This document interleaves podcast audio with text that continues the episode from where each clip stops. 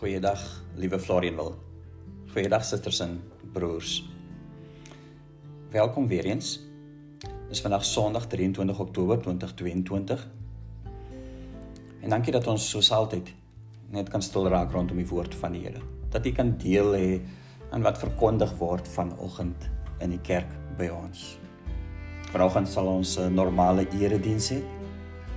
Verlede week het ons die voorstelling van nuwe lidmate gehad en dan word die aflegging van belydenis van geloof. Volgende Sondag is hervormings Sondag. So tussen hierdie twee Sondae is ons vandag. En ek wil nog nie heeltemal laat gaan aan verlede week nie en ook nie heeltemal uh begin met volgende week nie. So tussenin het ek hierdie boodskap voorberei vir die vir die elkeen. Mag die Here ons help om iets te verstaan van wat sy wil is vir ons lewens. Baie sterkte broers en susters met alles wat jy ondervind en ervaar. Soos altyd. Ons luister na die Here. Ons praat met die Here. Die Here is bereid om ons wysheid te gee om ook in omstandighede, wat dit ook al mag wees, nie te kan lewe, nie te kan verstaan en nie te kan doen. Ons sluit die oë. Almagtige Heer, op hierdie Sondagoggend, Here. Op hierdie oomblik, Here, van stil raak. Kom loof ons U groot naam. Want daar's geen naam, Here, in hierdie hemel op of die aarde wat vir ons meer beteken as U naam nie. Daar's geen naam, Vader, wat vir ons mooi is as juis U naam wat vir ons redding en verlossing bring. Stuur die lig Vader op hierdie Sondagoggend. En gee Vader dat ons nuut sal ontvang van die woord het en dat U ons sal bring presies op die plek waar U wil hê ons moet wees. Amen. Vriende, genade en vrede vir elkeen van julle. Ons teks is in die boek Romeine vers 8 tot 13. Ek lees soos altyd. Ehm um, 2020 vertaling Die woord van die Here sê soos volg: Hier by jou is die woord in jou mond en in jou hart. Dit is die woord van geloof wat ons verkondig. Want as jy met jou mond bely dat Jesus die Here is en jy glo met jou hart dat God hom uit die dood opgewek het, sal jy verlos word. Want by die hart glo ons en ons word regverdig verklaar. Met die mond bely ons en word so verlos. Die skrif sê tog, elkeen wat in hom glo, sal nie beskaamd staan nie. Dit maak inderdaad geen verskil of jy Jood of 'n Griek is nie. Ons het almal dieselfde Here en hy deel sy rykdom uit aan almal wat hom aanroep. Want elkeen wat die naam van die Here aanroep, sal verlos word. Tot sover die woord van ons Here. Enkele verse van uit die boek Romeine hoofstuk 10. Nou, broers en susters. Paulus word beskou as die eerste teoloog van die kerk. En daarom as enige iemand die Christelike geloof wil verstaan, is daar konsensus dat jy begin met Paulus. Met ander woorde, jy begin met die lees van die gedeeltes in die Bybel wat Paulus skryf. En wat ons ook waar wat ook waar is, is dat van sy briewe en en almal is mooi en goed en geskryf vir spesifieke omstandighede en mense, maar tog bly die boek Romeine iets spesiaals. En vir soveel gelowiges oor die eeue heen het dit rigting gegee. Dink byvoorbeeld aan Martin Luther as ons dink aan volgende Sondag, Hervorming Sondag. Jy weet, die begin van die reformatie ehm um, was dat die boek Romeine vir Luther die die waarheid geleer het oor verlossing. Dink aan Karl Barth met sy sterk teenkanting teen nazisme en Hitler en hoe die boek van Romeine daar ook 'n beslissende rol gespeel het. Enorme impak het die boek van Romeine gehad op die lewe van mense deur die eeue heen. Ons teks bevestig daarom die paar verse wat ons gelees het, die wonderlike vryspraak deur geloof, um wat so krities was tydens die tyd van die reformatie. En daarom sê ons teksgedeelte as jy met jou mond bely en met jou hart glo, sal jy gered word. Dieselfde word herhaal in vers 10, die keer net omgedraai met die hart glo en met die mond bely en ons word gered. Die vryspraak van God is dus binne bereik van alle mense. Almal kan kinders van die Here wees. En daarom is die woordjie sal so belangrik. Nee? Almal sal gered word wat met die hart glo en met die mond bely. God spreek inderdaad mense vry enkel en alleen omdat hulle glo, sê Romeine 1 vers 17. En nie omdat hulle so wonderlik is in die nakoming van die wet nie of so wonderlik is in hulle eie prestasies nie. Nee, die wonder van God is sy genade en sy liefde aan sondaars. En daarom is voorstelling en blydenis aflegging so 'n mooi geleentheid. Nie net omdat jong mense bely nie, maar in besonder ook omdat God dit alles moontlik maak. Deur Jesus Christus raak jy 'n kind van God. En dan dan kom ons by die belydenis. Met ander woorde, wat bely word en dis eintlik 'n soort van die fokus van ons boodskap vir vandag. Die belydenis wat afgelê is, wat met die mond bely word en wat met die hart geglo word, sê Paulus in vers 9 is Jesus is Heer. Dis die tema van ons boodskap vir vandag. En hierdie hierdie belydenis, hierdie kort belydenis, is die oudste belydenis van die Christelike kerk. Ons sien dit in 1 Korintiërs 12 vers 3. Dis 'n hoofstuk wat handel oor geestelike gawes. En wonderlik praat Paulus daaroor. Maar die begin van die hoofstuk begin met die belydenis Jesus is Heer. Dit kom net en slegs deur die Heilige Gees. So voordat ons by die ander gawes van die Gees kom, is hierdie die een groot gawe wat die Heilige Gees aan sy kinders gee. Ons kry hierdie belydenis van Jesus is, Heer ook in Filippense 2 vers 11. Dit is 'n mooi lied wat gesing was in die vroeë Christelike kerk. En daarin word erken dat Jesus wie homself verneder het. Jesus wie gesterf het aan die kruis, verhef is tot die hoogste eer en die naam gekry het bo alle name. En dan sê Filippense sodat in die naam van Jesus elkeen wat in die hemel en op die aarde en onder die aarde is, die knie sou buig en elke tong sou erken, sou bely Jesus Christus is die Here. En hier word vir ons kernagtig saamgevat wat hiermee bedoel het, bedoel word. Met die naam Here is bely dat Jesus deur opstanding deur hemelvaart verhoog is en tot die Here van hemel en aarde uh tot die Here van die kerk verhoog is. En daarom bely ons ook dat Jesus in sy goddelikheid gelyk is aan sy hemelse Vader. Dit beteken as ons sê dat Jesus die Heer is, dat Jesus mag en autoriteit het oor alles en almal in die wêreld. En kom ons sê liewer ehm um, dat Jesus mag en autoriteit het oor alles en almal in die kosmos. En dan word die heelal. Moet daarom nie vir 'n oomblik dink dat Jesus slegs Heer is van Christene en hul kerk of dan ons kerk nie. En moet ook nie vir 'n oomblik dink dat Jesus geen gesag of mag het buite om gelowiges en sy kerk nie. Dit is eenvoudig net nie waar nie. Reg aan die begin van die boek Romeine hoofstuk 1, eerste 7 verse van die brief sommer met die inleiding sal Paulus dit bevestig. Want hy wil hê die Romeinse gelowiges moet dit hoor. Jesus kom uit die geslag van Dawid, né? En deur sy opstaan is hy bevestig as seun van God en daarom heers hy oor die hele wêreld.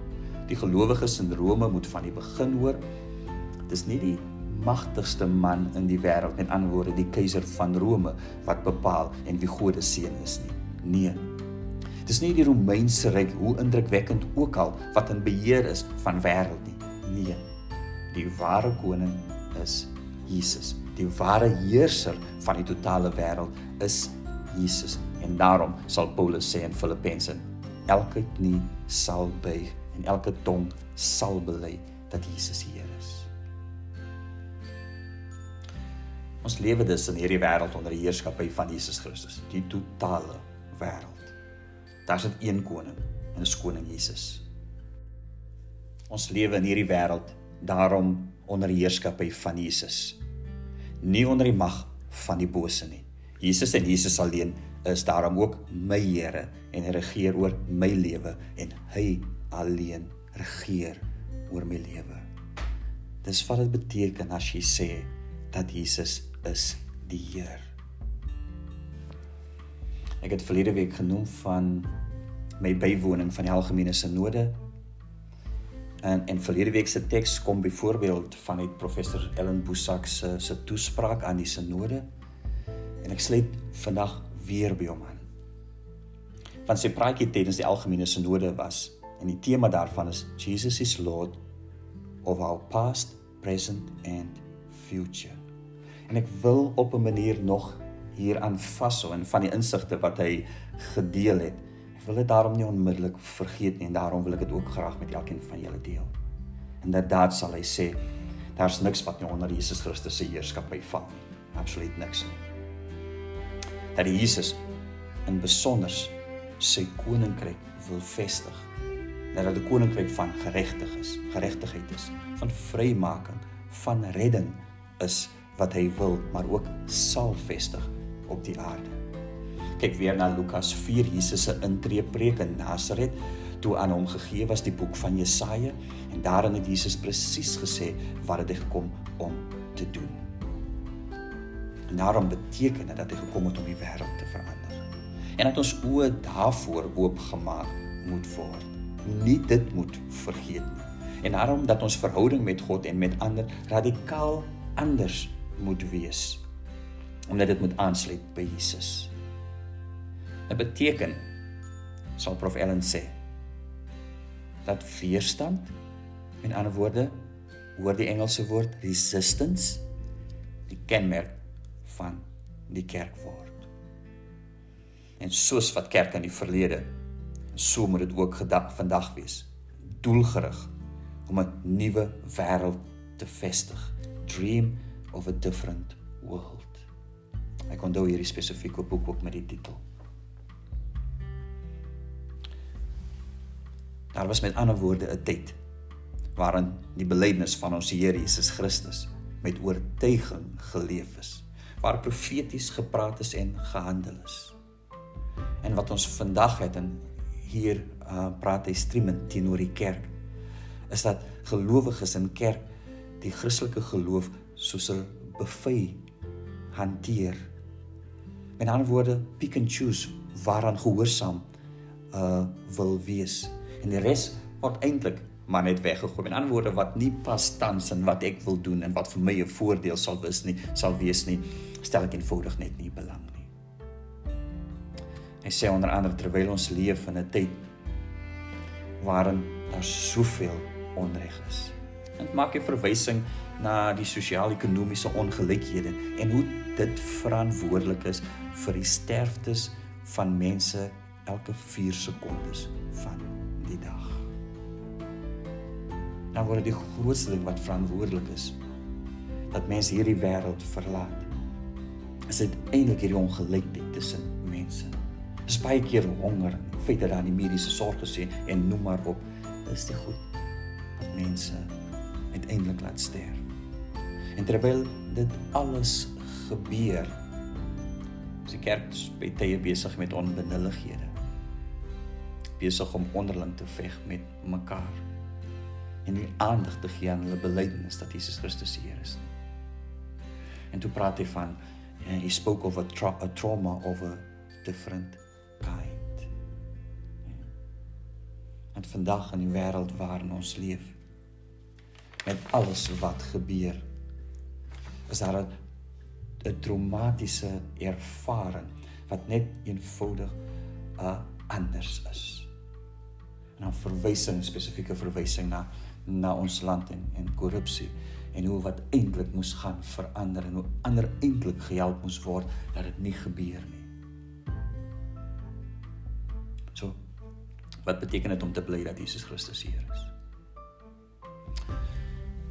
Ons kan soos seker baie van ons by die sinode luister na professor Helen Bosak en beïndruk is met die manier hoe hy praat en en wat hy sê maar dit nie aanvaar as vir ons nie vang dat hy met ons praat nie en dat hy met ons as kerk praat nie. Want hy bevestig keer op keer as jy sê Jesus, dan sê jy geregtigheid. As jy geregtigheid sê, dan sê jy Jesus. Vir Florian wil gemeente, vir ons as gemeentelede beteken dit in besonder as ons kyk na ons visie dat daar in ons harte en in ons lewens 'n bereidheid en 'n gewilligheid moet wees en 'n hastigheid moet wees om ons geloof te deel met ander mense. En dan het we hierdie woord wat vir ons verlossing gebring het en vryheid gebring het en wat ons uiteindelik gehelp het om die wêreld anders te sien, anders daarna te kyk. Dit moet gedeel word. En daarom op alle vlakke gedeel word. Vir ons as gemeente met ons verskillende bedienings en in die kerk word daar vir ons gesê dat ons kernbediening het, kerngoedheid wat vir ons belangrik is. Dit gaan oor verkondiging en aanbidding, dit gaan oor diens en getuienis, dit gaan oor die bediening binne in die gemeente. En hoe is dit dat ons al hoe minder mense het wat hierdie belydenis van Jesus is Heer dat ons al hoe minder mense het wat bereid is om dit te deel met ander en dat ons daarom by kere net nie genoeg mense het om ander te begelei nie. Net nie genoeg mense het om ons jeug te help nie.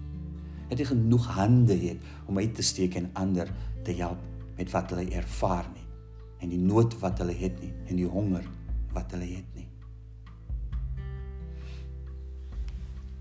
Uh, prof Boesak sluit af.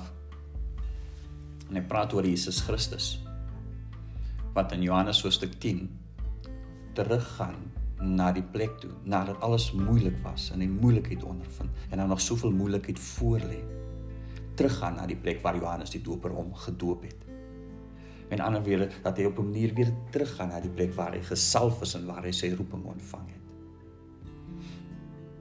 Terug na die plek van sy doop. Om daaruit nie te ontdek wie hy is.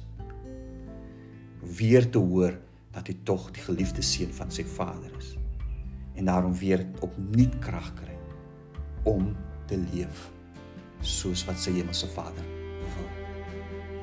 En ek vind daarin die die mooi dat ons teruggestuur word na waar ons die roeping ontvang het en wat die omstandighede daarin was en hoe ons ontroep het en hoe ons die salwing van die Heilige Gees ontvang het. Terug soontoe sodat ons opnuut sal leef met die belydenis dat Jesus Heer is nie bewus is van hoe ons geroep is en wat dit beteken in ons alledaagse lewe. Amen. Aanbiddelike Heer, dankie vir die voorreg, Vader, soos altyd. Wonderlike voorreg om na U woord te luister. Wonderlike voorreg, Here, om U stem te hoor. Al kom dit ook, Here, uh deur ander. Dankie Vader dat ons U woord kan deel. En nou Heer, ons het gehoor en ons het ontvang. En ons sê die belydenis dat U Heer is van ons lewens, van my lewe. En tog is al soveel dinge wat my wegvat Here van my roeping en wat ons wegneem Here van ons uiteindelike roeping. En so Here al hoe minder Hemelse Vader profeties optree en al hoe minder Here ander help in die nood wat hulle ervaar. Want ons het ander bekommernisse en ons het ander worries en as ons eie goed wat vir ons belangriker raak en op 'n manier is die sonde besig om ons te verstrengel en ons kan ons nie Here 'n woord spreek nie want ons is eintlik besig met goed wat nie saak maak nie. Dankie dat ons weer kan hoor. Help ons Heer. En nou Vader gaan verder saam met ons. In hierdie tyd aan Here. Gee die belydenis wat ons in ons harte en op ons mond het gee Vader dat hande en voete sal kry in hierdie wêreld en in ons huise en in ons kerk. Amen. Mag die genade van ons Here Jesus Christus, mag die liefde van God en mag die troos en bemoediging van die Heilige Gees met elkeen van u wees want dan u behoort die koninkryk en die krag en die heerlikheid tot in alle ewigheid. Amen.